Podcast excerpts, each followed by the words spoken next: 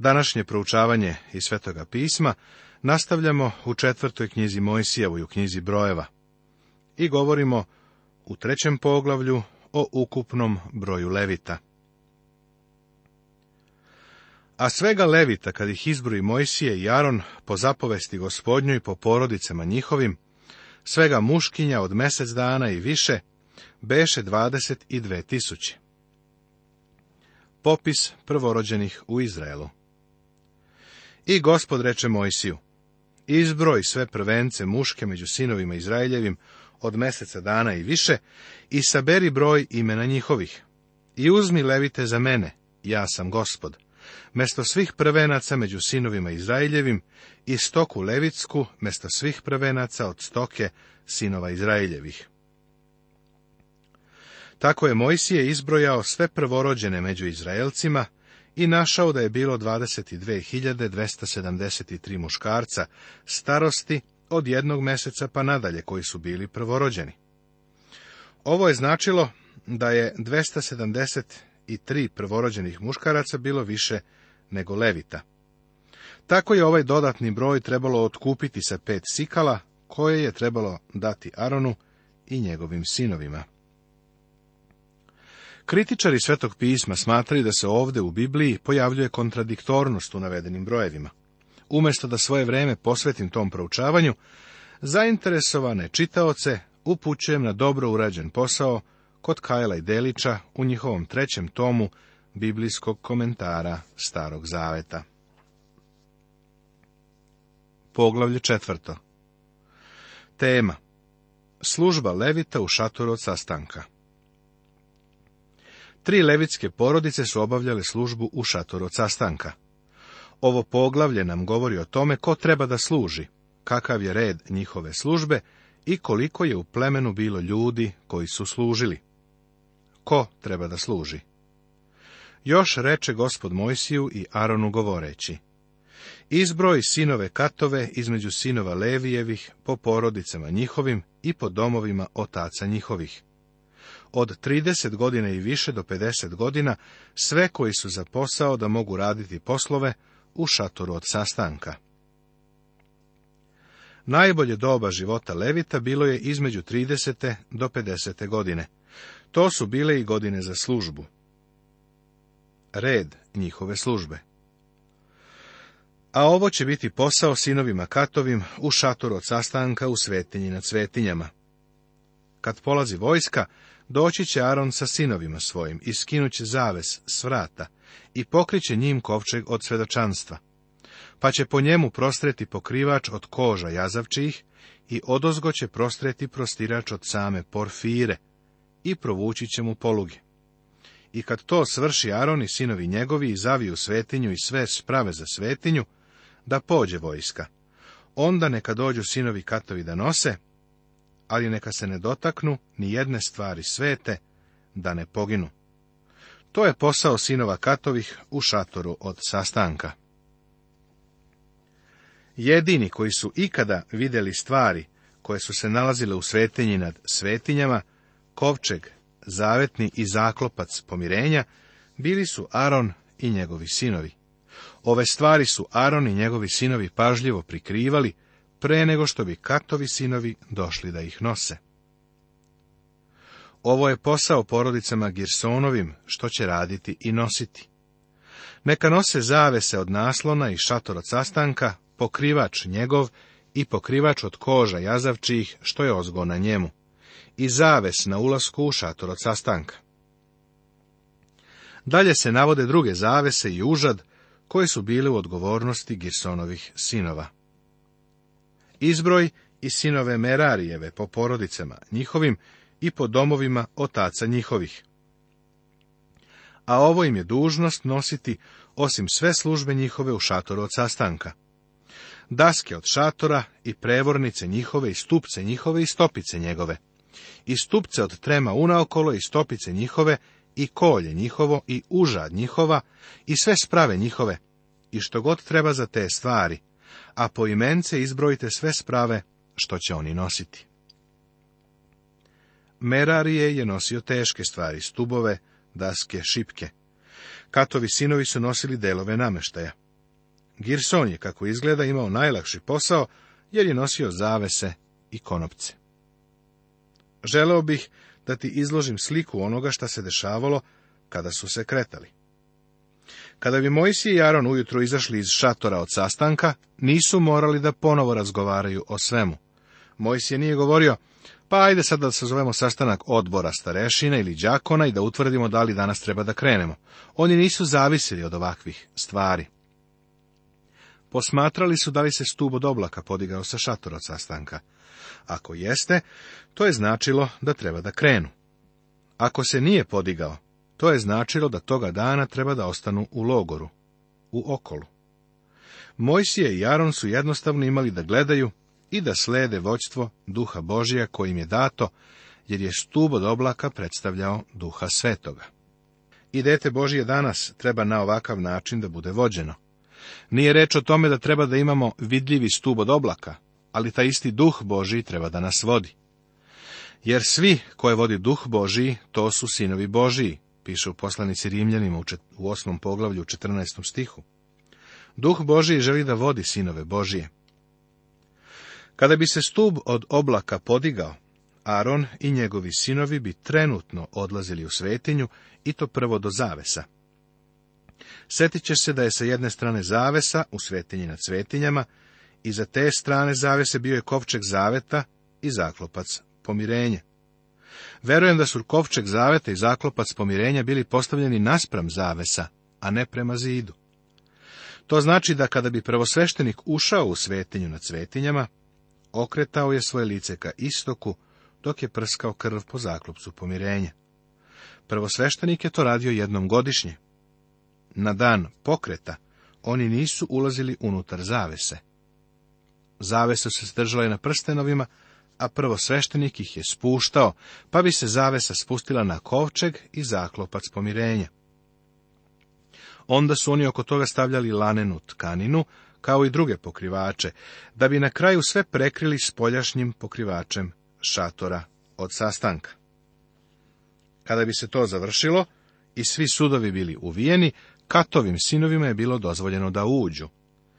Tu su bile šipke koje su odgovarale prstenovima na delovima nameštaja. Katovi sinovi bi ušli, pomoću ovih prečki i šipki podigli nameštaj i izneli ga. Sveštenici koji su nosili kovčeg zaveta išli su napred, ali su čekali da ih stub od oblaka vodi. Red po kome su marširali vidjet ćemo u kasnijim poglavljima. Uveče je sigurno bilo uzbudljivo vidjeti ih kako postavljaju novi logor. Svaki čovek je znao svoj posao. Svaki čovek je nosio određeni deo šatora od sastanka i nosio ga je sve dok danju putuju. Kada bi postavili logor, prvo što su spuštali bio je kovčeg zaveta. Ceo logor je bio sređivan na osnovu njega. Katovi sinovi, koji su nosili ostale delove nameštaja, spuštali su ih u skladu sa kovčegom zaveta a potom su zavese i daske postavljane oko njih. Drugim rečima, prvo je postavljen nameštaj ili oprema. Ovo nije način na koji mi danas zidamo kuću, ali ima i na umu da je ovo pripremano za putovanje i da je moralo biti pokretno. Svaki čovjek je imao svoje zaduženje. Mišljenja sam da je logor podizan žurno, i to baš mislim žurno. Mislim da je u roku od 15 minuta od kada bi se kovčeg spustio, šator bio spreman za korišćenje. Dozvoli da ovo ilustrujem. Na ovom prvom pastirskom poslu u državi Tenesi u Sjedinim državama bio sam neoženjen i mnogo vremena sam provodio sa mladima. Kada bi u grad došao cirkus, išli smo na stanicu da budemo tamo kada cirkus pristigne u dva sata ujutro. Čulo bi se kako životinje riču, ali drugih zvukova nije bilo. Vagone bi postavili na sporedni kolosek i onog trenutka kada bi vagoni zastali, cela armija ljudi bi iz njih izišla. Ni pet minuta posle zaustavljanja voza ne bi prošlo, a već su se kuski vagoni kotrljali i kretali ka terenu za cirkus. Podigli bi šator za hranu i mnogi su doručkovali, pili kafu, dok je drugi deo posade postavljao veliki šator. Zatim bi ova grupa ljudi došla na doručak, a oni drugi radnici bi izlazili i postavljali sedišta, cirkuske arene, kačali trapeze. Kažem ti, svako je znao svoj posao, to je bilo zanimljivo gledati. Do deset sati ujutro sve je bilo u redu i spremno za posao. Tog podneva Velika cirkuska parada je bila na ulici. Ovo mi je bilo najzanimljivije. Čitavu noć smo provodili posmatrajući cirkus koji noću dolazi u grad. Svojim prijateljima sam govorio, mislim da se ovako radilo kad su Izraelci spremali logor. Kada je Izrael spremao logor, Katovi sinovi su spuštali opremu i nameštaj. Potom bi Merarijevi došli sa daskama i šipkama, postavljali svoj deo. Onda bi Girson postavio zavese i pokrivala, a na kraju prvosveštenik bi uklonio pokrivalo i okačio ga. Sigurno je bilo veoma uzbudljivo kada je Izrael pravio svoj logor. Nakon 40 godina ove prakse, verovatno su bili jako dobri u svemu tome. Kao što je svaki levit imao svoje zaduženje, tako isto svaki hrišćanin ima dar i posao koji Bog želi da obavi. Verujem da će te gospod nagraditi zato što radiš ono što on od tebe želi. Ne treba da radimo ono što sami izaberemo, nego treba da koristimo darove koje nam je dao. Pretpostavimo da je tamo bio momak koji je nosio kočić severozapadnog ugla šatora od sastanka, pa se umorio od svog posla. Jednog dana dok je nosio svoj kočić za ugao, rekao je, umoran sam od svega ovoga, već 20 godina nosim ovaj Kočić, ujutro dolazim, odvezujem, podignem sa zemlje, stavim na ramena, nosim sa porodicom. Niko ne uviđa kako težak posao obavljam, nikome zato ne nagrađuje. Moj me još nikada nije pozvao ni odlikovao. Umoran sam od svoga posla, prestaću da nosim ovaj kočić za ugao. I tako, jednoga jutra kad su sklapali šator od sastanka, čvor na njegovom kočiću je bio suviše zategnut i nije mogao da se odveže, pa ga je tu ostavio. Mislio je, ma niko neće ni obratiti pažnju. Moj posao nije tako važan. Šta ja radim, nosim kočić za uga od šatora. Zato ću ga danas ovdje ostaviti. Možeš li da zamisliš problem koji će iskrsnuti sljedeće večeri? Ljudi bi pokušali da postave šator, ali kočića, severozapadnog ugla šatora od sastanka, tamo nije bilo. Onda bi ljudi izvestili Mojsija, pa bi potražili čoveka koji nosio kočić, i Mojsije bi ga pitao, gde je kočić za šator? A čovek bi odgovorio i rekao, ostavio sam ga tamo gde smo prošle noći logorovali. Zatim bi ga je pitao zašto je to učinio.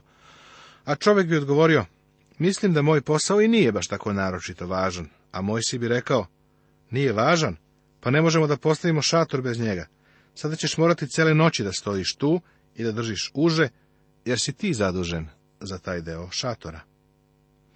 Prijatelju, ko treba da odluči o tome ko radi najvažniju stvar u Božjoj službi danas? Ovaj čovjek je bio veran 20 godina, a onda je pošašaveo. Vidi šta je to doprinelo postavljanju celog šatora. Koliko Božje dece danas misli da je njihova služba nevažna? Prijatelju, Bog te neće nagraditi za količinu posla koji si obavio, nego za vernost u radu onoga na šta te je pozvao. Ako i ti nosiš taj kočić severozapadnog ugla šatora od sastanka, danas ne zaboravi da ga poneseš. Posao koji ti je gospod dao da radiš, njemu je veoma važan. Poglavlje peto Tema Dar i žrtva za ljubomoru Možda si mislio da ova knjiga nije zanimljiva, ali se nadam da si sada promenio mišljenje. Ovo je zanimljiv materijal sa porukom prigodnom i za naše vreme. Vidjeli smo kako se logor sređivao određenim radom i da je to bila priprema za putovanje kroz pustinju. Ova priprema je bila neophodna. Danas hrišćanin treba da uvidi da je putnik kroz pustinju ovoga sveta. Sve i svako treba da bude na svom mestu za putovanje, rad, rat i slavljenje u toj pustinji. Sada dolazimo do saveta u vezi sa čišćenjem okola. Ovome su posvećena poglavlja od petog do osmog. Dok budemo proučavali čišćenje logora, treba da shvatimo da razlog zašto su čistili je bio taj što su služili svetog Boga, kao i mi danas. Onečišćenje, skrnavljenje, bolešću i smrću. I reče gospod Mojsiju govoreći, Zapovedi sinovima Izraeljevim neka isteraju iz okola sve gubove i sve kojima teče seme i sve koji su se oskrvnili o mrtvaca. Bio čovek ili žena, isterajte iza okola, isterajte ih, da ne skvrne okola onima među kojima nastavam. I učiniše tako sinovi Izraeljevi i isteraše ih iz okola. Kako gospod kaza Mojsiju, tako učiniše sinovi Izraeljevi.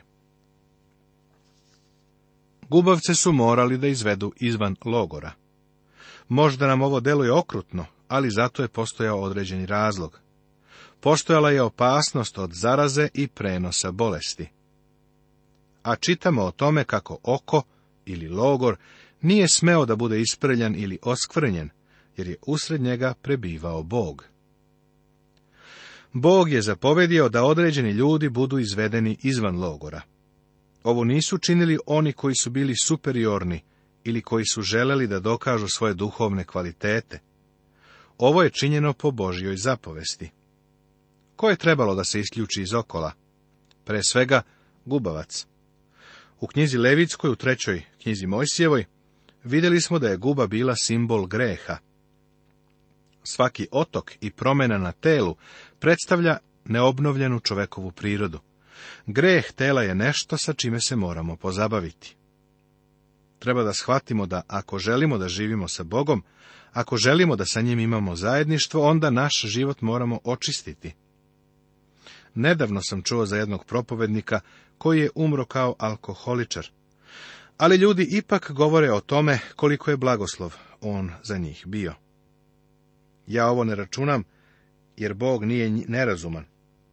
On ne blagosilja, niti ima nameru da živi sa nama ako živimo u svesnom grehu. Jer Bog naš je oganj koji proždire. Bogu se valja klanjati na saboru svetih, strašniji od svih koji su oko njega, kaže psalam 89. Danas veliki deo problema, nevolja, bolesti i bola izazivaju hrišćani koji ne žele da reše problem greha u svom životu. U našim današnjim crkvama zatvoramo oči pred grehom koji se nalazi u životu ljudi. U Izraelu su bili određeni ljudi koje je trebalo izvesti izvan okola, odnosno logora. Kada dođemo do knjige Isusa Navina, vidjet ćemo da Izraelci nisu mogli da izvojuju pobedu kod Gaja, jer je Ahan zgrešio i sakrio. Greh je morao da se izvede na videlo i reši pre nego što su Izraelci mogli da pobede.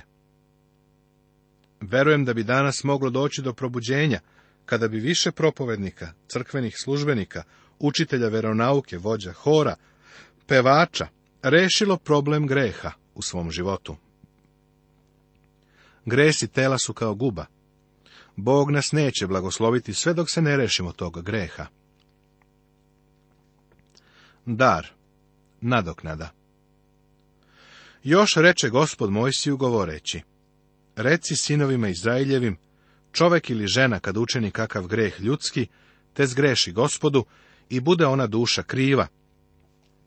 Tada neka priznaju greh koji su učinili i ko je kriv, neka vrati celo, čim je kriv, i neka dometne ozgo peti deo i da onome kome je skrivio. Ovome je služio i Zahejev dar. Zakej pak stadi i reče gospodu, Vidi, gospode, dajem polovinu svoga imanja siromasima, iako sam od koga šta iznudio, vraćam četverostruko. Zapisano je evanđelju po Luki u osmom poglavlju. On je otišao i dalje nego što je to Mojsijev zakon pripisivao i zahtevao. Mnogi ljudi danas misle da pokajati se znači proliti nekoliko suza, a onda opet veselo otići svojim putem. Pokajanje je mnogo više od toga. Pokajati se znači ispraviti nešto, popraviti i nadoknaditi osobi koju si uvredio. Naše grehe treba da ispovedimo Bogu, to je tačno. Ali moramo pamtiti i da je Bog rekao ovo. Ako dakle prinosiš dar svoj na žrtvenik i onda se setiš da tvoj brat ima nešto protiv tebe, ostavi onda svoj dar pred žrtvenikom i idi prvo izmiri se sa bratom svojim, pa tada dođi i prinesi dar svoj. Svet podržava ideju da čovjek treba da prolije nekoliko suza, malo se ponizi pa je onda sve ponovo u redu. To se u poslanici Korinćanima naziva žalošću ovoga sveta, a ovakvo pokajanje je besmisleno. Moj otac je imao običaj da mi priča o malom brodu, na reci Mississippi. Brodić je imao mali kotao, veliku pištaljku. Kada je plovio uzvodno i pištao, struja bi ga vratila unazad. Nije mogao da plovi uzvodno i da zviždi istovremeno, odnosno da troši paru potrebu za pokretanje turbine. Ovakvih ljudi je danas mnogo. Njihovo pokajanje je kao duvanje pištaljke. Oni obilno liju suze, ali se ne okreću od greha, ne obraćaju se Bogu, ne nadoknađuju onima koje su oštetili. Iz ovog razloga u hrišćanskom životu nema napretka. Nastavit će se.